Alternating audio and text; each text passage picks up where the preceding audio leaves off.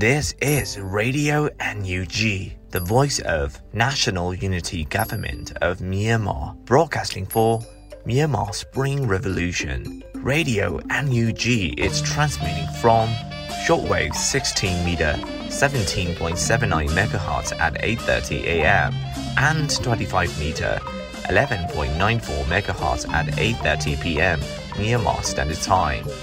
မင်္ဂလာပါခင်ဗျာ အမျိုးသားညီညွတ်ရေးအစိုးရရဲ့အတန်လွင့်ဌာန Radio NUG ကိုမနက်ပိုင်း၈နာရီခွဲမှာလိုင်းတို16မီတာစက္ကန့်တက်သမ9 MHz ညပိုင်း၈နာရီခွဲမှာလိုင်းတို25မီတာ17တက်သမ6 MHz တို့မှာဓာတ်ရိုက်ဖမ်းယူနိုင်နိုင်ပါပြီမင်္ဂလာအပေါင်းနဲ့ပြည့်စုံကြပါစေအခုချိန်ကစပြီး Radio NUG အစီအစဉ်တွေကိုဓာတ်ရိုက်အတန်လွှင့်ပေးနေပါပြီ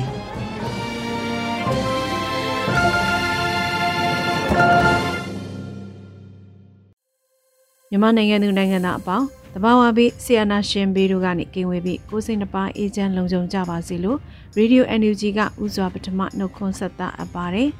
ခုပထမဆုံးကာကွယ်ဝင်ကြီးဌာနရဲ့စီရေးသတင်းအကျဉ်းချုပ်ကိုလွတ်လပ်နှွေဦးကဖတ်ကြားတင်ပြပေးသွားမှာဖြစ်ပါတယ်ရှင်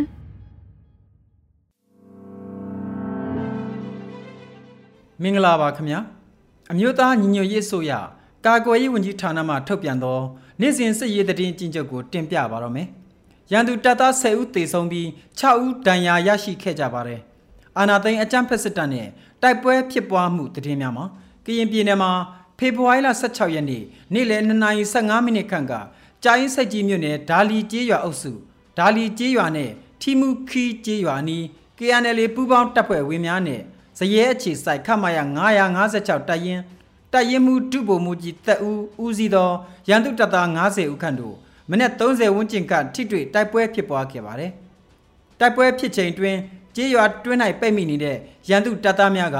ဒါလီကြေးရွာနဲ့ထီမူခီကြေးရွာနေပြည်သူများကိုလူသားတတိုင်းလုံးအကာအကွယ်ယူကာပြန်လည်ဆုတ်ခွာသွားခဲ့ပြီးလက်ရှိအချိန်ထိအမျိုးသမီးနဲ့ကလေးငယ်များအပါအဝင်ရွာသူရွာသား6ဦးခန့်ပျောက်ဆုံးနေကြောင်းသိရပါတယ်ခင်ဗျာ။မန္တလေးတိုင်းမှာ ဖေဖော်ဝါရီလ18ရက်နေ့မနက်9:20မိနစ်ခန့်ကတပိတ်ကျင်းမြို့နယ်တကောင်းတိုက်နယ်ပေါ်တော်မူကျေးရွာနီးတွင်စကိုင်းတိုင်းထီးကြိုက်မြို့နယ်မြတောင်ကျေးရွာဘက်တွင်တိုက်ပွဲဖြစ်ပွားပြီးပြန်လာသည့်တပ်မ88လက်အောက်ခံအင်အား100ခန့်ပါ6ဘင်းကား3စီးကိုတကောင်းပြည်သူကာကွယ်ရေးတပ်ဖွဲ့က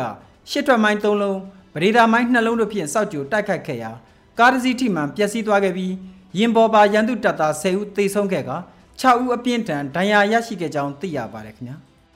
ဆက်လက်၍ဖေဖော်ဝါရီလ16ရက်နေ့မနေ့17နာရီခန့်ကကြောက်ဆယ်မြို့နယ်နဲ့စင့်ကိုင်မြို့နယ်အကြားပေါ်တော်မူဖျားအနီးတစ်ဝိုက်တွင်မန္တလေးမိတ်ထီလာကားလမ်းလမ်းဟောင်းတိုင်းရှေ့တန်းအခြေချထောက်ပုတ်တက်မိတ်ထီလာမှဒီဇယ်နဲ့တက်စီတင်ဆောင်လာသည့်စီတဲ့ရင်ကား16စီးရင်တန်းကိုကြောက်ဆယ်ခရိုင်ပြည်သူ့ကာကွယ်ရေးတပ်ဖွဲ့ပကဖနဲ့မန္တလေးခရိုင်တပ်ရင်းကမြင့်ငယ် People Defense Force တို့ကပူးပေါင်း၍ပရိဒါမိုင်းဖြစ်မိုင်းဆွဲတိုက်ခိုက်ခဲ့ရာ ကားနှစ်စီးနေရာမှာပင်ထိုးရသွားခဲ့ပါတယ်ခင်ဗျာဆက်လက်ပြီးအာနာသိန်းအကြမ်းဖက်စစ်တပ်ကကျူးလွန်ခဲ့တဲ့ရာဇဝတ်မှုတွေကိုတင်ပြပေးပါဦးမယ်။စကိုင်းတိုင်းမှာဖေဖော်ဝါရီလ16ရက်နေ့နေ့လယ်2နာရီခန့်က6ဦးမြို့နယ်ရာကြီးတော်ကြေးရွာသို့ကံကြီးကုန်းကြေးရွာမှပြူစောထိနဲ့ရန်သူတပ်သားများဝင်ရောက်ခဲ့ပြီးနေအိမ်များကိုမိရှို့ဖျက်ဆီးခဲ့ကြပါတယ်။ရန်ကုန်တိုင်းမှာဖေဖော်ဝါရီလ16ရက်နေ့ည9:15မိနစ်ခန့်ကမှော်ဘီမြို့နယ်ဆက်သွားတော်ကြေးရွာအုပ်စုရဲဘော်ဈေးရက်ကွက်မှပြည်သူ2ဦးကို ရန်သူတပ်သားများကဖမ်းဆီးခေါ်ဆောင်သွားခဲ့ကြောင်းသိရပါတယ်။ဖေဖော်ဝါရီလ16ရက်နေ့ည9:15မိနစ်ခန့်ကဗိုလ်တထောင်မြို့နယ်ဗိုလ်တထောင်ရဲစခန်းမှရဲ9ဦးနဲ့အရက်ဝတ်အချို့ကရဲ DC 2D မြင်းဆောင်8982နဲ့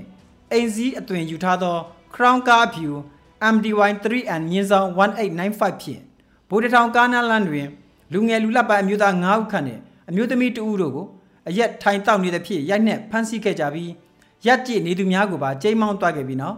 Vintage ရေပေါ်ဟိုတယ်ဝင်းထဲမှာကာနာလမ်းပေါ်သို့အမြန်မောင်းသွားခဲ့ကြောင်းသိရပါတယ်။ဖေဖော်ဝါရီလ16ရက်နေ့ကဒလမြို့နယ်ကမာကစစ်ရက်ကွက်စိန်ပန်းလန်းအမှတ်64ရှိဒေါ်ဆန်းဆန်းအေးပိုင်ဆိုင်သည့်နေအိမ်ကိုရန်သူတပ်ကချိတ်ပိတ်သွားခဲ့ကြောင်းသိရပါတယ်ခင်ဗျာ။ယခုဖော်ပြခဲ့တဲ့သတင်းတွေကိုမြေပြင်သတင်းတာဝန်ခံတွေနဲ့ခိုင်လုံသောမိဖက်သတင်းရင်းမြစ်များမှာအခြေခံပြုစုတင်ပြခဲ့တာဖြစ်ပါတယ်ခင်ဗျာ။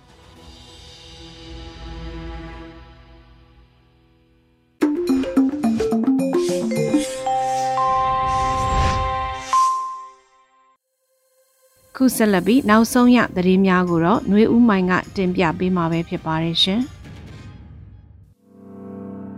မင်္ဂလာပါရှင်အခုချိန်ကစပြီး Radio UNG ရဲ့ဖေဖော်ဝါရီလ18ရက်နေ့ပြည်တွင်းသတင်းများကိုတင်ပြပေးပါမယ်ကျွန်မຫນွေဦးမိုင်ပါ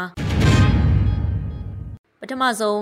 UNG အစိုးရရဲ့အယူခံတရားရုံးဖွဲ့စည်းမဲ့သတင်းကိုတင်ပြပေးပါမယ်။ UNG အစိုးရရဲ့အယူခံတရားရုံးဖွဲ့စည်းမယ်လို့ပြည်ထောင်စုဝန်ကြီးချုပ်မန်ဝင်းခိုင်တန်းကဆိုပါတယ်။ ဖေဖော်ဝါရီ18ရက်ကြားကာလပြည်သူတရားစီရင်ဖော်ဆောင်မှုကော်မတီစည်းဝေးတွင်ပြည်ထောင်စုဝန်ကြီးချုပ်မန်ဝင်းခိုင်တန်းကပြောပါတယ်။ အထူးတရားရုံးတွေမှာစစ်ကောင်စီကိုတရားစွဲဆိုနိုင်ကိစ္စအတွက်ပြည်ထရေးနဲ့လူမှုကြီးကြပ်ဝန်ကြီးဌာနကအမှုတွဲတွေတင်ပြပြီးစတင်စစ်ဆေးစီရင်မယ်လို့ဆွေးနွေးခဲ့တာရှိပါတယ်။အဲ့အခြေအနေနဲ့ပတ်သက်ပြီးလှုပ်ဆောင်နေတဲ့လုပ်ငန်း process တွေအဆင်ပြေတာတွေအဆင်မပြေတာတွေတိုင်ပင်ဆွေးနွေးပေးကြပါ။နောက်ပြီးတော့အယူခံတရားရုံးဖွဲ့စည်းရမှာတရားသူကြီးဦးရေခန့်အပ်နိုင်ဖို့ကိစ္စတွေအတွက်နောက်တစ်ကြိမ်အစည်းအဝေးမှာဆုံးဖြတ်အတည်ပြုမယ်လို့ ဆုံးဖြတ်ခဲ့ကြတာမို့ဒီကိစ္စကိုလည်းဆွေးနွေးပေးကြဖို့တိုက်တွန်းလိုပါတယ်လို့ဝန်ကြီးချုပ်ကဆိုခဲ့ပါတယ်။ဒါအပြင်တချို့ကိစ္စတွေကတော်လိုင်းကာလမို့အဆင်ပြေတယ်လို့စီမံလို့ဖြစ်နိုင်ပေမဲ့တရားရေးကိစ္စမှာတော့အဆင်ပြေတယ်လို့လုပ်လို့အဆင်မပြေနိုင်တာရှိတယ်လို့တစ်ဖက်ကလည်းတော်လိုင်းကာလမို့ကိစ္စတိုင်းအသေးစိတ်သွားဖို့ခက်ခဲတဲ့အပိုင်းလည်းရှိနေတယ်လို့ဝန်ကြီးချုပ်ကတန်လောင်းဆိုပါတယ်ရှင်။ဆက်လက်ပြီးအမျိုးသားညီညွတ်ရေးအစိုးရဂျာကာလဒေသန္တရပြည်သူ့အုပ်ချုပ်ရေးဖော်ဆောင်မှု ဗဟိုကော်မတီနဲ့စကိုင်းတိုင်းမကွေးတိုင်းပြည်သူ့အုပ်ချုပ်ရေးအဖွဲ့များတွဲဆုံဆွေးနွေးတဲ့သတင်းကိုတင်ပြပေးပါမယ်။အမျိုးသားညီညွတ်ရေးအစိုးရဂျာကာလဒေသန္တရပြည်သူ့ချုပ်ရေးဖော်ဆောင်မှုဗဟိုကော်မတီနဲ့စကိုင်းတိုင်းမကွေးတိုင်းပြည်သူ့အုပ်ချုပ်ရေးဖွဲ့များတွဲဆုံဆွေးနွေးခဲ့ပါတယ်။ဖေဖော်ဝါရီ18ရက်အမျိုးသားညီညွတ်ရေးအစိုးရဂျာကာလဒေသန္တရပြည်သူ့အုပ်ချုပ်ရေးဖော်ဆောင်မှုဗဟိုကော်မတီနဲ့စကိုင်းတိုင်းမကွေးတိုင်းပြည်သူ့အုပ်ချုပ်ရေးဖွဲ့များတွဲဆုံဆွေးနွေးပွဲ အစည်းအဝေးခုနှစ်မြင်းဆောင်2023ကိုကျင်းပခဲ့ပါတယ်။အစည်းအဝေးကိုကြားကာလဒေသန္တရပြည်သူ့ချုပ်ရေးဖော်ဆောင်မှုဗဟိုကော်မတီအဖွဲ့ဝင်အလုတ်သမားဝင်ကြီးဌာနပြည်တော်စုဝင်ကြီးနိုင်ထွန်းဖေခေါ်နိုင်သူဝနာမှအဖွဲ့မှစကားပြောကြားခဲ့ပါတယ်။ထို့နောက်ကမ်ဘလူခရိုင်ပြည်သူ့အုပ်ချုပ်ရေးအဖွဲ့နဲ့မုံရွာခရိုင်ပြည်သူ့အုပ်ချုပ်ရေးအဖွဲ့တို့မှ ခရိုင်အတွင်းနေမြေကွင်းစင်းစစ်ဆေးမှုများပေါ်လုပ်ငန်းဆောင်ရွက်မှုများအကြံပြုချက်သုံးသက်ချက်များကိုချပြရှင်းလင်းပြောကြားခဲ့ပြီးနောက်တက်ရောက်လာသောဌာနဆိုင်ရာအသီးသီးမှတာဝန်ရှိသူများမှဝင်ကြီးဌာန၏လုပ်ငန်းဆောင်ရွက်ချက်များကိုရှင်းလင်းပြောကြားခဲ့ပါသည်ဆက်လက်ပြီးစကိုင်းတိုင်းမကွေးတိုင်းရှိပြည်သူ့အုပ်ချုပ်ရေးအဖွဲ့များမှမြေပြင်ကြုံတွေ့နေရသည့်အခက်အခဲများနဲ့သိရှိလိုသည့်များကိုဆွေးနွေးခဲ့ကြကသက်ဆိုင်ရာဌာနလိုက်တာဝန်ရှိသူများမှပြန်လည်ဖြေကြားခဲ့ပါသည် အစည်းအဝေးသို့ဂျာကာလဒေသန္တရပြည်သူ့ချုပ်ရေးဖော်ဆောင်မှုဘောကော်မတီအဖွဲ့ဝင်ပြည်ထောင်စုဝင်ကြီးများဒုတိယဝင်ကြီးများအမြဲတမ်းအတွင်းဝင်များတွဲဖက်အမြဲတမ်းအတွင်းဝင်များဌာနဆိုင်ရာတည်တည်မှတာဝန်ရှိသူများစကိုင်းတိုင်းမကွေးတိုင်းပြည်သူ့အုပ်ချုပ်ရေးအဖွဲ့ခေါင်းဆောင်များအဖွဲ့ဝင်များတက်ရောက်ခဲ့ပါတယ်ရှင်အမျိုးသားရင်ညွရေးအစိုးရပင်ကိုင်းဝင်ကြီးဌာနမှမြို့နယ်ပင်ကိုင်းရေးဘုတ်အဖွဲ့73ဖွဲ့ကိုအတိအမှတ်ပြုကြောင်းကြေညာတဲ့သတင်းကိုဆက်လက်တင်ပြပေးပါမယ်။ အမျိုးသားညီညွတ်ရေးအစိုးရပင်ငါရေးဝန်ကြီးဌာနမှမြို့နယ်ပင်ငါရေးဘုတ်အဖွဲ့73ဖွဲ့ကိုအတိမတ်ပြုကြောင်းကြေညာလိုက်ပါတယ်။ဖေဖော်ဝါရီ18ရက်မှာအမျိုးသားညီညွတ်ရေးအစိုးရပင်ငါရေးဝန်ကြီးဌာနမှကြေညာချက်အမှတ်6မြင်းဆောင်2023နဲ့ထုတ်ပြန်ကြေညာခဲ့ပါတယ်။ကြေညာချက်အရဖေဖော်ဝါရီ16ရက်နေ့အထိမြို့နယ်အလိုက်ပင်ငါရေးဘုတ်အဖွဲ့များဖွဲ့စည်းပြီးဖြစ်ကြောင်းတင်ပြလာသည့်ဘုတ်အဖွဲ့များကိုအတိမတ်ပြုပါကြောင်းနဲ့ပင်ငါရေးဝန်ကြီးဌာနအနေနဲ့ပင်ငါရေးလုပ်ငန်းများကိုလက်တွဲပူးပေါင်းဆောင်ရွက်သွားမယ်လို့ဆိုပါတယ်။ ထို့ကြောင့်မြို့နယ်ပင်ညာရေးဘုတ်အဖွဲ့73ဖွဲ့ကိုအတိမတ်ပြုလိုက်ပြီးကြံရှိမြို့နယ်ပင်ညာရေးဘုတ်အဖွဲ့များအနေနဲ့လည်းမြို့နယ်ပင်ညာရေးဘုတ်အဖွဲ့များဖွဲ့စည်းပြီးပါကဆက်သွယ်အကြောင်းကြားလင်အတိပြုပေးသွားမယ်လို့ဆိုထားပါတယ်ရှင်ဆက်လက်ပြီးထိုင်းနိုင်ငံဘန်ကောက်မြို့က AAC မဟာမိတ်အဖွဲ့ရုံးမှာအန်ယူဂျီအစိုးရအလုတ်သမားတူဝင်ကြီးက AAC မဟာမိတ်အဖွဲ့နဲ့တွေ့ဆုံပြီးအလုတ်သမားအရေးဆွေးနွေးတဲ့သတင်းကိုတင်ပြပေးပါမယ်။ထိုင်းနိုင်ငံဘန်ကောက်မြို့က AAC မဟာမိတ်အဖွဲ့ရုံးမှာ UNG အစိုးရအလုတ်သမားဒုဝန်ကြီးက AAC မဟာမိတ်အဖွဲ့နဲ့တွေ့ဆုံပြီးအလုတ်သမားအရေးဆွေးနွေးခဲ့ပါတယ်။ဖေဖော်ဝါရီ18ရက်မှာ PVTV သတင်းဌာနကဖော်ပြထားပါတယ်။အမျိုးသားညီညွတ်ရေးအစိုးရအလုတ်သမားဝန်ကြီးဌာနဒုဝန်ကြီးဦးကျော်နီဦးဆောင်တဲ့အဖွဲ့ဟာ AAC မဟာမိတ်အဖွဲ့ LPN Foundation တို့နဲ့ဘန်ကောက်မြို့မှာတွေ့ဆုံပြီးမြန်မာရွှေ့ပြောင်းအလုပ်သမားများအရေးအတွက်ဆွေးနွေးခဲ့ကြတယ်လို့ဆိုပါတယ်။ အမျိုးသားညီညွတ်ရေးအစိုးရ NUG အလုသမားဝင်ကြီးဌာနနဲ့ကိုရဲမင်းဦးဆောင်တဲ့ AAC မဟာမိတ်အဖွဲ့ဟာရခိုင်ကလေးကမြန်မာရွှေ့ပြောင်းအလုသမားတွေအရေးဆောင်ရွက်နေတာဖြစ်ပြီးယခုဆွေးနွေးမှုကပူပေါင်းဆောင်ရွက်မှုကိုအရှိန်မြင့်သွားဖို့အတွက်ဖြစ်တယ်လို့ဖော်ပြပါရရှင်။ဆက်လက်ပြီးအာနာသိမ့်မှုဖြစ်ရပြီးတေဆုံးခဲ့ရသူများပျောက်ဆုံးသွားခဲ့သူများအလုံးအတွက်အမတ်တရနှင်းစီပန်းများချပြီးပြင်သစ်တန်အမတ်ကြီးဂုံပြုတ်ခဲ့တဲ့တဲ့ရင်ကိုတင်ပြပေးပါမယ်။ အာနာသိမ့်မှုဖြစ်ရပြီးတေဆုံးခဲ့ရသူများပျောက်ဆုံးသွားခဲ့ရသူများအလုံးအတွက်အမတ်တရနှင်းစီပန်းများချပြီးပြင်သစ်တန်အမတ်ကြီးဂုံပြုတ်ခဲ့ပါတယ်။ဖေဖော်ဝါရီ18ရက်မှာပြင်သစ်တန်ယုံရန်ကုန်ကအတည်ပြုဖော်ပြပါရယ်2021ခုနှစ်ဖေဖော်ဝါရီ1ရက်နေ့အာနာသိမ့်ပြီးနောက်ပိုင်းတည်ဆုံးခဲ့သူ3000ကျော်ရှိပြီဖြစ်ကြောင်းနိုင်ငံရေးအကျဉ်းသားများကူညီဆောင်ရှောက်ရဲ့အသင်း AAPP ကယနေ့စည်ရင်းပြုစုထားပါတယ်။ပြင်သစ်တန်အမတ်ကြီး Mr. Christian Lecture VD ထိုအာနာသိမ့်မှုဖြစ်ရပြီးအထူးသဖြင့်တည်ဆုံးခဲ့ရသူများဒဏ်ရာရခဲ့သူများသို့မဟုတ်ပျောက်ဆုံးသွားခဲ့သူများအားလုံးအတွက်အမတ်တရနှင်းစီပန်းများချပြီးဂုဏ်ပြုခဲ့ပါတယ်လို့ဆိုပါတယ်။အသက်ဆုံးရှုံးခဲ့ရသူများနဲ့၎င်းတို့၏မိသားစုဝင်များအပါအဝင်မြန်မာပြည်တွင်ဒီမိုကရေစီအသွင်ကူးပြောင်းရေးပြန်လည်အသက်ဝင်လာစေရန်တိုက်ပွဲဝင်နေကြသူများအားလုံးကိုတန်အမတ်ကြီးကစာနာထောက်ထားမိပါကြောင်းဖော်ပြထားပါတယ်ရှင်။ဆလပီຫນွေဦးစံရိတ်မွန် Spring Blast အိမ်ယာများစတင်ရောင်းချခဲ့သည့်ဖေဖော်ဝါရီ17ရက်နေ့မှယနေ့အထိအိမ်ခန်းပေါင်း6300ခန့်ရောင်းချပေးခဲ့ရပြီးဘဏ္ဍာငွေဒေါ်လာ19.8တန်းခန့်စီရင်သွင်းရရှိထားတဲ့တဲ့ရင်ကိုတင်ပြပေးပါမယ်။။နှွေဦးဆိုင်ရိပ်မွန် Spring Blaze အင်ယာများစတင်ရောင်းချခဲ့သည့်ဖေဖော်ဝါရီ17ရက်နေ့မှယနေ့အထိအိမ်ခန်းပေါင်း6300ခန့်ရောင်းချပေးခဲ့ရပြီးဘာနာငွေဒေါ်လာ19.8တန်းခန့်စီးရင်သွင်းရရှိထားတယ်လို့တင်ရရှိပါတယ်။ ဖေဖော်ဝါရီ18ရက်မှာ EOD ကအတိပေးဖော်ပြပါတယ်။နှွေဦးဆိုင်ရိပ်မွန် Spring Blaze အင်ယာများစတင်ရောင်းချခဲ့သည့်17ဖေဖော်ဝါရီမှယနေ့အထိရောင်းချပေးခဲ့ရသောအိမ်ခန်းပေါင်း6300ခန့်ရောက်ရှိသွားပါပြီ။စစ်စုပေါင်းတော်လှန်ရေးဗန်ဒန်ငွေဒေါ်လာ19.8တန်းခန့်စီးရင်သွင်းရရှိပြီးဖြစ်ပါတယ်။ငါတို့မှငါတို့ရှိရဲဆိုတဲ့စကားကိုတော်လှန်ပြည်သူတွေပြောခဲ့ကြတယ်။ပြောတဲ့အတိုင်းလဲမစုံမနဲ့ချီတက်ခဲ့ကြတာ။ပန်းနိုင်ရောက်သည့်အထိချီတက်ကြမယ်။အောင်မြင်မှုတွေကိုမျှဝေခံစားရင်း တိုင်းပြည်ကိုဘယ်လိုပြန်တီဆောက်ကြမယ်အတွေ့ပုံရိပ်ဖော်နေကြပါပြီလို့ EOD ကဖော်ပြထားပါတယ်။နှွေဦးဆိုင်ရိမ်မွန်ရဲ့နောက်ဆုံးလက်ကျအခန်း3000ကျော်ကို16ဖေဖော်ဝါရီမှာစတင်ရောင်းချပေးနေပြီးဒီဆက်ရ EOD ကိုဇလဲများကိုဆက်သွယ်ပြီးဝယ်ယူနိုင်မှာဖြစ်ပါတယ်ရှင်။ဆက်လက်ပြီးအာနာသိန်းအကြမ်းဖက်စစ်ကောင်စီတပ်များမှနှစ်ရက်အတွင်းတိုက်လေရင်6ဆင်းဖြင့်လေကြောင်းတိုက်ခိုက်မှုများကြောင့်ဂါလာတန်ဖိုးထိုင်းဘတ်ငွေ3တန်းဖိုးကျော်ဆုံးရှုံးသွားခဲ့လို့ KNU ဘဟုကအတိပေးထုတ်ပြန်တဲ့သတင်းကိုတင်ပြပေးပါမယ်။အာနာသိန်းအကြမ်းဖက်စစ်ကောင်စီတပ်များမှနှစ်ရက်အတွင်းတိုက်လေရင်6စင်းဖြင့်လေကြောင်းတိုက်ခိုက်မှုများကြောင့်ကာလတန်မိုးထိုင်းဘတ်ငွေ3သိန်းဖိုးကျော်ဆုံးရှုံးသွားခဲ့လို့ KNU ဘဟုအတိပေးထုတ်ပြန်လိုက်ပါတယ်။ဖေဖော်ဝါရီ18ရက်မှာစစ်ရေးတရင်ကို KNU ဘဟုကအတိပေးဖော်ပြပါတယ်။ဖေဖော်ဝါရီလ14ရက်ည10:00နာရီအချိန်တွင်အာနာသိန်းအကြမ်းဖက်စစ်ကောင်စီတပ်၏တိုက်လေရင်3စင်းမှ KNU ကရင်အမျိုးသားအစည်းအရုံးကိုတူးလေအုပ်ချုပ်နေမြေမူကျော်ခရိုင်တက်မဟာငါလူသောမြို့နယ်ဒေပူနိုကျေးရွာအတွင်သို့ဘုံကြီး6လုံးအားလာရောက်ကျဲချခဲ့ရာနေအိမ်6လုံးမှာထိမှန်ပြီးမီးလောင်ပြကျပျက်စီးသွားခဲ့ပါတယ်လို့ဆိုပါတယ်ထို့ပြင်ဖေဖော်ဝါရီလ15ရက်နေ့ည7:00နာရီခွဲအချိန်တွင်အာနာသိန်းအကြမ်းဖက်စစ်ကောင်စီတပ်၏တိုက်လေရင်၃စင်းသည် KNU ကရင်အမျိုးသားအစည်းအရုံးကိုတူးလေအုပ်ချုပ်နေမြေမူကျော်ခရိုင်တက်မဟာငါလူသောမြို့နယ်ပေးကလေးကျေးရွာအုပ်စုတွင်ရှိ ထော်ထီပေကြီးရွာရင်းတို့တိုက်လေရင်တစင်းလင်ဘုံတီးနှလုံးနှုံးဖြင့်စုစုပေါင်းဘုံတီ6လုံးလာရောက်ကျဲချခဲ့လို့ဖော်ပြပါရယ်ဘုံကျဲတိုက်ခိုက်မှုကြောင့်အဆောက်အဦ9လုံးပါရှိသည့်စာတင်ကျောင်းတစ်ကျောင်းနေအိမ်6လုံးဈေးဆိုင်3ဆိုင်နဲ့စပကြီးနှလုံးအားထိမှန်ကမိလောင်ပြကျသွားပြီးလဲထွန်းဆက်လေးစီးဆိုင်ကယ်2စီးအင်တာနက် Wi-Fi စလုံးတစ်ချက်နဲ့ဆန်စစ်တစ်လုံးလည်းထိခိုက်ပျက်စီးသွားပြီးစုစုပေါင်းကာလတန်ဖိုးထိုင်းဘတ်ငွေ3သိန်းဖိုးကျော်ဆုံးရှုံးသွားခဲ့တယ်လို့ဆိုပါရရှင်။ မြိုင်နယ်တောင်ပိုင်းတရက်ကံပြူစခန်းအား drone နဲ့ပုံတီရှစ်လုံးကျဲချတိုက်ခတ်ခဲ့တဲ့တဲ့ရင်ကိုဆက်လက်တင်ပြပေးပါမယ်။မကွေတိုင်းမြိုင်မြို့နယ်တောင်ပိုင်းတရက်ကံပြူစခန်းအား drone နဲ့ပုံတီရှစ်လုံးကျဲချတိုက်ခိုက်ခဲ့လို့တင်ရရှိပါရယ်။ဖေဖော်ဝါရီ18ရက်မနက်10:30အချိန်တွင် drone ဖြင့်ပုံကျဲတိုက်ခိုက်ခဲ့တယ်လို့ မြိုင်ဂရုဒါ PDF ကဆိုပါတယ်။မြိုင်နယ်တောင်ပိုင်းတရကံပြူစခန်းကိုဖေဖော်ဝါရီ18ရက်မနေ့10:00နာရီခွဲအချိန်ခန့်တွင် drone ဖြင့်ပုံတီရှစ်လုံးချ၍တိုက်ခိုက်ခဲ့ရာပြူသုံးဦးထိခိုက်ဒဏ်ရာရခဲ့လို့ဆိုပါတယ်။လက်တလုံးမှာထိခိုက်မှုအခြေအနေဆက်လက်စုံစမ်းဆဲဖြစ်တယ်လို့သိရပါတယ်။ရင်းတိုက်ခိုက်မှုအားမြိုင်မြို့နယ်ပြည်သူ့ကာကွယ်ရေးတပ်ဖွဲ့တပ်ရင်း1တပ်ခွဲ1တပ်ခွဲ2ဂလုံးပြည်သူ့ကာကွယ်တပ်ဖွဲ့အလေးနံပျောက်ကြားတပ်ဖွဲ့တို့ပူးပေါင်းလှုပ်ဆောင်ခဲ့ပါတယ်ရှင်။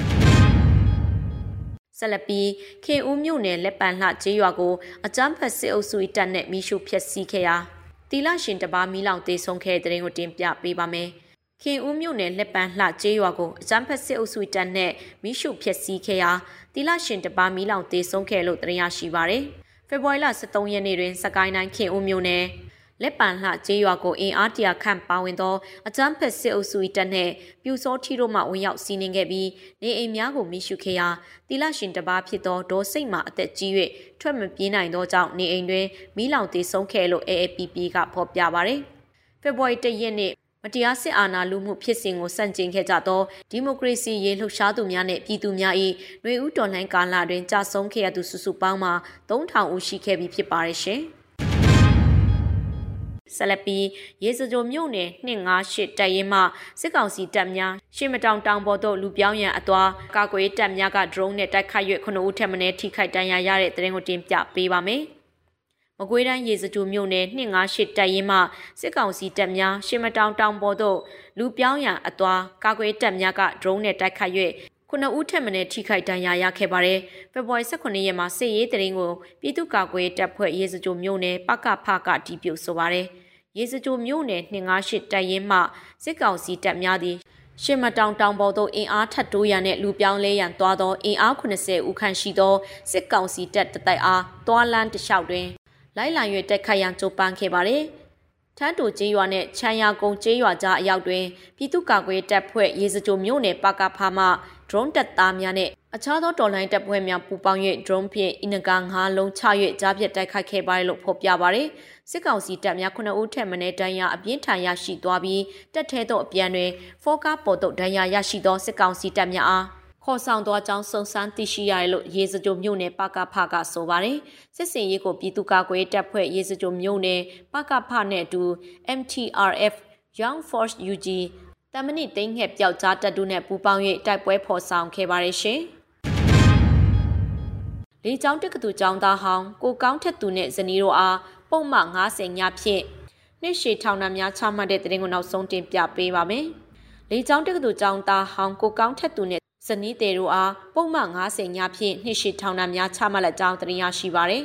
။ဖေဖော်ဝါရီ18ရက်မှာလေကြောင်းတက္ကသိုလ်ကျောင်းသားတမကကအတိပေးဖော်ပြပါရယ်။ မြန်မာနိုင်ငံလေကြောင်းနဲ့အာကာသပညာတက္ကသိုလ်အပတ်စဉ်30ကျောင်းသားဟောင်းကိုကောင်းထက်သူနဲ့ဇနီးဖြစ်သူတို့နှစ်ဦးစလုံးကိုအကြမ်းဖက်စစ်ကောင်စီလက်ဝေခံတရားရုံးကအလုံနဲ့ဒေါင်းနန်10နှစ်မတရားချမှတ်လိုက်တယ်လို့ဆိုပါရယ်ကိုကောင်းထက်သူအားပုံမှန်188ဖြင့်ထောင်ဒဏ်3လချမှတ်ခဲ့ပြီးနောက်90ညဖြင့်ထပ်မံဆွဲချက်တင်ခါဖမ်းဆီးခံရပြီး တနှစ်ကျော်ကြာမှာထပ်တိုးပုံမှ90ညဖြင့်ထောင်ဒဏ်10နှစ်မတရားချမှတ်လိုက်ခြင်းဖြစ်ပါတယ်။ကိုကောင်းထက်သူနဲ့ဇနီးဖြစ်သူတို့အား2021ခုနှစ်စက်တင်ဘာ18ရက်နေ့တွင်ဇနီးဖြစ်သူနဲ့အတူမုံရွာမြို့၌ဖမ်းဆီးခံခဲ့ရခြင်းဖြစ်ပါတယ်ရှင်။အခုတင်ပြခဲ့တဲ့သတင်းတွေကို Radio UNG သတင်းထောက်မင်းမင်းကပေးပို့ထားတာဖြစ်ပါတယ်ရှင်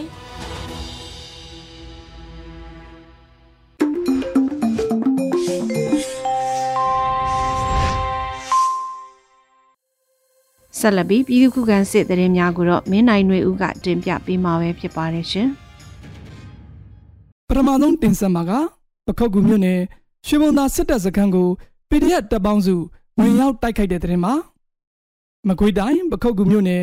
ရွှေဘုံသာကျေးရွာရှိစစ်တပ်စခန်းပြူစောတိကောင်းဆောင်နေအိမ်လက်နက်တိုက်အပါအဝင်အကြမ်းဖက်စစ်သားများရှိရာနေရာများကိုဒရုန်းဖြင့်ဘုံကျဲခြင်းလက်နက်ကြီးများဖြင့်ပစ်ခတ်ခြင်းမြေပြင်တွင်တိုက်ခိုက်ခြင်းတို့ဖြင့် PDF တပ်ပေါင်းစုကဝင်ရောက်တိုက်ခိုက်နိုင်ခဲ့ကြောင်းဒရုန်းဖြင့်ဘုံကျဲတိုက်ခိုက်မှုသည်ပြူစောတိကောင်းဆောင်နေအိမ်နှင့်လက်နက်တိုက်ကိုဓာတ်ရိုက်ထိမှန်ပျက်စီးခဲ့ကြောင်း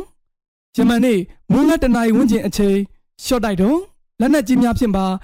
ဆက်လက်တိုက်ခိုက်ခဲ့ကြောင်း PDF တပ်ပေါင်းစုထံမှသိရပါဗျ။ရွှေဘုံသာပြူစောတိရွာမြောက်ဘက်ရှိစစ်တပ်ကတုတ်ချင်းတဲ့အထိဝင်ရောက်တိုက်ခိုက်နိုင်ခဲ့ကြောင်းအပြန်အလှန်ထိတွေ့မှုဖြစ်ပြီးမဟာမိတ်တပ်ဖွဲ့မှ ရဲဘော်တအူထိခိုက်ဒဏ်ရာရရှိခဲ့သဖြင့်ပြန်လည်ဆုတ်ခွာခဲ့စဉ်စစ်တပ်ကလိုက်လံပစ်ခတ်ကြောင်းလိုက်လံပစ်ခတ်သည့်အကြမ်းဖက်စစ်သားအများအပြားတိုက်မိုင်းမိကထိခိုက်ဒေဆုံးမှုများပြားခဲ့ကြောင်းသိရပါဗျ။ PDF တပ်များ၏တိုက်ခိုက်မှုခံရပြီးနောက်ရွှေဘုံသာယာတွင်တက်ဆွဲထားတဲ့အကြမ်းဖက်စစ်သားများအားလုံးဟာယမန်နေ့ညနေပိုင်းတွင်ကျေးရွာအတွင်းမှပြန်လည်ထွက်ခွာ၍တက်ဆုပ်သွားကြောင်းမြစ်တင်နေရာသို့ပြန်လည်ဆက်ခွာသွားသည်ကိုမသိရသေးကြောင်း ပခောက်ကူ Revolution Front ကဆိုပါတယ်။နောက်ဆုံးအနေနဲ့ဗိတ်မြို့နယ်တုံတပြောကြီးစစ်တပ်ဂိတ်ကိုဝင်ရောက်တိုက်ခိုက်ခဲ့တဲ့တဲ့တင်တင်ဆက်မှာပါ။တနင်္သာရီတိုင်းဗိတ်မြို့နယ်တုံတပြောကြီးရွာလမ်းစုံ၌တက်ဆွဲထားတဲ့စစ်တပ်ကိတ်ကိုဝင်ရောက်တိုက်ခိုက်မှုစစ်သားတအုပ်တေဆုံးပြီးတနက်တက်လက်တင်စီရမိခဲ့ကြောင်းဗတ်မလိုက်ပျောက်ကြားတပ်ဖွဲ့မှတာဝန်ရှိသူတအုပ်ကဆိုပါတယ်ဖေဖော်ဝါရီလ19ရက်နေ့နနက်6နာရီကျော်ခန့်တွင်တနင်္သာရီတိုင်းဗိမ်းမြို့နယ်တုံတပြောကြီးကြီးရွာလမ်းစုံ၌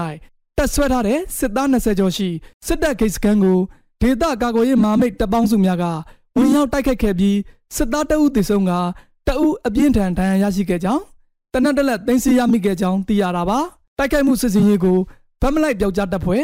SLDF တပ်ဖွဲ့ဗိတ်ခိုင်တရင်နှင့်ဗိတ်ပကဖာကျွန်းစုပကဖာစသည့်မဟာမိတ်တပ်ဖွဲ့များကပူးပေါင်းလှုပ်ဆောင်ခဲ့ကြောင်းသိရှိရပါတယ်ခင်ဗျာ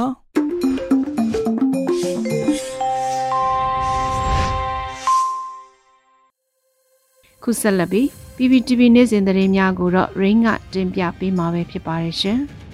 ။အခုချိန်ကစပြီး PPTV သတင်းတွေကိုတင်ဆက်ပေးပါတော့မယ်။ကျွန်မကတော့ Rain ပါ။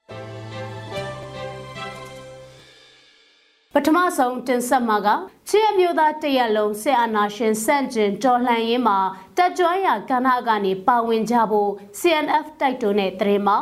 ပြည်တွင်းပြည်ပရှိချင်းအမျိုးသားတရက်လုံးအနေနဲ့ချင်းအမျိုးသားတပ်ဦး CNF ချင်းအမျိုးသားတပ်မတော် CNA နဲ့အတူအာဏာရှင်စန့်ကျင်တော်လှန်ရေးမှာတက်ကြွရာကဏ္ဍအသီးသီးကနေတက်တက်ကြွကြွပူပေါင်းပါဝင်ကြဖို့ CNF ကတိုက်တွန်းလိုက်ပါတယ်။ CNF CNA အနေနဲ့လက်ရှိဆင်နွှဲနေသောတော်လှန်ရေးစစ်ပွဲကိုအမျိုးသားလွတ်မြောက်ရေးအောင်ပွဲအဖြစ်ခံယူလျက်နိုင်ငံရေးဥတီချက်ယုံကြည်ချက်တူညီသောညီနောင်လက်နက်ကိုင်မဟာမိတ်များ အမျိုးသားညွရေးအစိုးရဒေသကာကွယ်ရေးတပ်ဖွဲ့များနဲ့အတူဆက်လက်တိုက်ပွဲဝင်သွားမှာဖြစ်ကြောင်းလည်းအသိပေးထားပါတယ်။ချင်းမျိုးသားတိဆောက်ရေးနဲ့ချင်းပြည်ထောင်တိဆောက်ရေးကိုလည်း stakeholder များနဲ့အတူဆက်လက်အကောင့်ထဲဖော်မယ်လို့ဖော်ပြပါတယ်။ဆီယနာရှင်စနစ်ကိုအမြင့်ဖြတ်ချေမှုန်းပြီး Federal Democracy အုပ်ချုပ်ရေးစနစ်ထူထောင်ရန်ရရလက်နဲ့ဆွဲကင်ကຫນွေဦးတော်လှန်ရေးအတွက် အသက်သွေးချွေးအိုးအိမ်စီးစိမ်ပေါင်းများစွာစက်တေးလျက်ခုခံတော်လှန်ဆင်နွှဲခဲ့ရာຫນွေဦးတော်လှန်ရေးမှာသွေးမြေကြခဲ့သော အာဇာနည်များတန်ရာရရဲဘော်ရဲဘက်များအားလုံးအပေါ်လေးစားကာရဝပြုကြောင်းလဲ CNF ကထုတ်ပြန်ခဲ့ပါတယ်။ ဆက်လက်တင်ဆက်ပေးမှာကတော့ချောင်းဦးမြို့နယ်ကရွာနှစ်ရွာကိုအကြမ်းဖက်စစ်တပ်ကရည်ရွယ်ချက်ရှိရှိမီးလောင်တိုက်သွင်းတဲ့တရင်မောင်ကံကြီးကုန်းကျေးရွာမှာတက်ဆွဲထားတဲ့အကြမ်းဖက်စစ်တပ်က ဖေဖော်ဝါရီ16ရက်မွန်းလွဲ12နာရီခန့်မှာဝါယာကျေးရွာနဲ့ယာကြီးကျေးရွာကိုမီးလောင်တိုက်သွင်းခဲ့တာကြောင့်နေအိမ်တရာကျော်မီးလောင်ပြာကျခဲ့တယ်လို့6ဦးမြို့နယ်တော်လှန်ရေးတပ်ချောင်းဦး Revolution Army ကဆိုပါတယ်။ကန်ကြီးကုန်းပြူစောထီကြီးရွာကခွေးစိတ်ပေါက်နေတဲ့ပြူတွေကဝါယာအုပ်စုရာကြီးရွာမြောက်ပိုင်းကစပြီးတောင်လေတိုက်တာကိုအခွင့်ကောင်းယူပြီးတော့ မိတိုက်ခဲ့တာလို့ချောင်းဦး Revolution Army ကတာဝန်ရှိသူတဦးကပြောပါတယ်။အကြမ်းဖက်စစ်တပ်ကရှို့တဲ့မီးဟာဝယာကျေးရွာတောင်ဖျားရှိနေအိမ်တွေအထိကူးဆက်လောင်ကျွမ်းခဲ့တာလို့ဆိုပါတယ်။အဲ့ဒီမီးလောင်ကျွမ်းမှုကိုချောင်းဦးမြို့နယ်တော်လှန်ရေးတပ် CRA မုံရွာခရိုင်တပ်ရင်း15တပ်ခွဲ1တပ်ခွဲ2တပ်ခွဲ3နဲ့ပြည်သူတွေကပူးပေါင်းပြီးမြင်းငိမ့်တက်ခဲ့ရတယ်လို့သိရပါဗျ။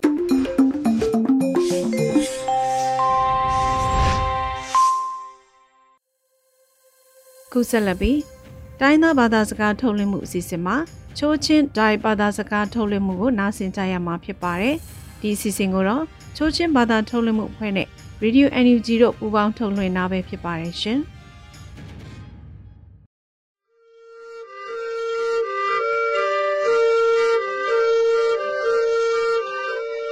ဒိုင်ရီဒီယိုထိုင်လုံနာဆုငါကီနိုပါဘေနာ နနိဂိုင်ဆတ်အေပွေကေမောတူငွိုင်စင်ခန်းခါခွန်နှုပ်ခလိခက်ခွန်းစုမတုံဟုံယာကာထငေဆွန်းကေဒိုင်ဆလိုင်နောကနင်းယမ်ထဲလတူခိုင်နီအခစကာ CTF ကမ်ပလက်ဒါเซนเฮดเซลูเจสามัดวางไว้ตุกีเตียทังอังอินากามีนตัมดูอาเจสปูนอโฮมเยอันยาอีอมเวสอปุยอันิมปรายอันยาสิปรักปุยอูนาเซนอักชุงาอันิมซุมอูเตียทังปีนิงายขยนีฮาคานหุนงอ ครั้งฮีก็นึงคุกิบยาคุกุงกาเจสังฮีซุนเซนเฮดยาเซลู CTF เซนทังดาวังไวกิหอยเตียทังอเมริกันนอ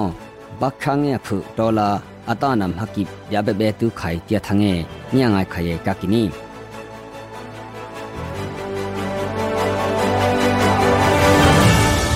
ကမ်ဘလမ်လူငော်ကီခလာယဖတ်ထုမြတ်ဖြုံက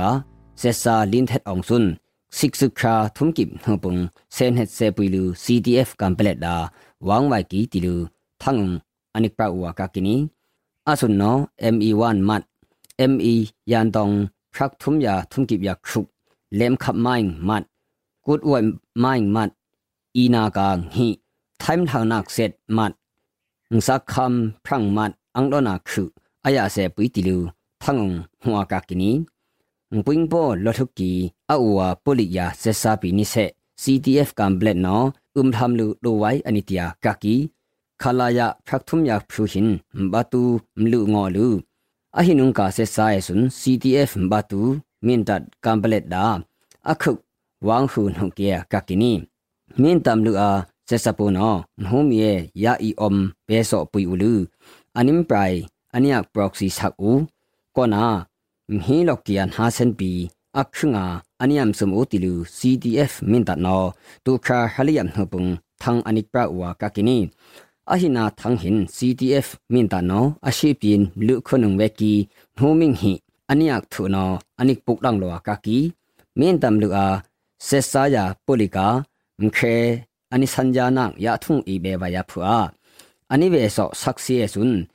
ยามซุมคึมทึกคาฮูนีติลู CTF มินดานอเป็ดกินีนินโฮอุมสิกสุคาอากอมเฮปุงปีคาลายะนิคอนลีเซซาปูนอลีลองนัมกากุมฮลิกชุลอกิงโฮมิซานิมูลูตูคาอักเขมเฮปุงปีกุมฮาลอกีนาเซนมัดอันหิมอวากากินีหาคำลืองอกีคาลายะพรังฮิกนคุกิบยาคุกุงกาเซซางฮีซุนเซนเฮดยาเซปุยลู CTF เซนทังดา တူခါဟလိခုမနပုန်ဝမ်ဝိုင်ကီဟိုက်တီလူ CDF စန်ထန်းနော်ထန်အနိပဝကကီအဆွန်ဟိုင်နော် ME2 လိပေါမတ်ယန်တောင်အင်မဟာယန်တောင်အမ်ဆာကုဒဝန်ပုန်ဖြူမဇွန်မိုင်းလေမိုင်းအနိယာစေပူအနိတျာကကီအဟိနာစေစန်းဟိဆွန်နော်လွိုင်းကုကီဆုငွေရာအိဥလူဥပအော့ကီဟွန်ဒါအနိယာသာဦးတီလူ CDF စန်ထန်းထုထန်းပရောက်ပုနော်အနိပဝကကီနီ อเมริกันนอปักขังเงอันยังเป็นอีนากาดอลลาร์อัตานำฮักิบยาเบเบตุขายติลูตุคาฮลิมหามเฮปุงทางอนิกปราหัวกากีบาเปียอันนี้สองตอกอีตุมเพนอีเซนซอนอีนักตุกอานักยาอีออกกุอลุมหลอกกับผุอักขักตังนักสยาเวกีครั้งเงียผุอีออกยาเบ็ดวายผุ US อีกุคูลูดอลลาร์อัตานำฮักิบยากูอีขายอันิตยากากี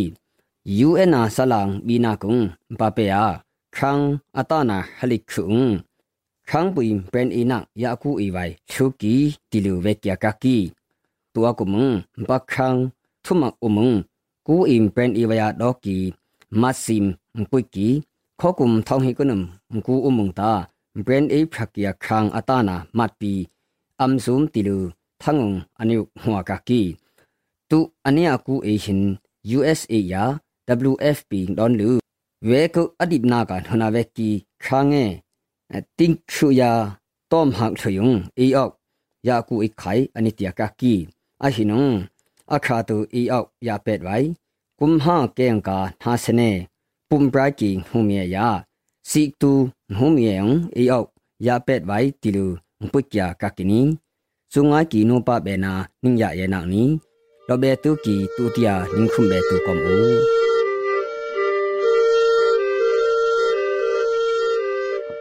ဒီကနေ့ကတော့ဒီညနေပဲ Radio NUG ရဲ့အစည်းအဝေးကိုခਿੱတရနာလိုက်ပါမယ်။မြန်မာစံတော်ချိန်မနက်၈နာရီခွဲနဲ့ည၈နာရီခွဲအချိန်တွေမှာပြန်လည်ဆုံးဖြတ်ကြပါစို့။ Radio NUG ကိုမနက်ပိုင်း၈နာရီခွဲမှာလိုင်းဒို16မီတာစက္ကန့်တသမ9 MHz ညပိုင်း၈နာရီခွဲမှာလိုင်းဒို25မီတာ17သမ6 MHz တို့မှာဓာတ်ရိုက်ဖမ်းယူနားဆင်နိုင်ပါပြီ။မြန်မာနိုင်ငံသူနိုင်ငံသားများကိုယ်စိတ်နှပြကျန်းမာချမ်းသာလို့ ဘေးကင်းလုံခြုံကြပါစေလို့ Radio NUG အဖွဲ့သူအဖွဲ့သားများကဆုတောင်းလိုက်ရပါတယ်။အမျိုးသားညီညွတ်ရေးအစိုးရရဲ့စက်သွေးရေးတရင်အချက်အလက်နဲ့ဤပညာဝန်ကြီးဌာနကထုတ်လွှင့်နေတဲ့ Radio NUG ဖြစ်ပါတယ်။ San Francisco Bay Area အခြေစိုက်မြန်မာမိသားစုများနဲ့နိုင်ငံတကာကစေတနာရှင်များလှုပ်အားပေးများရဲ့ Radio NUG ဖြစ်ပါတယ်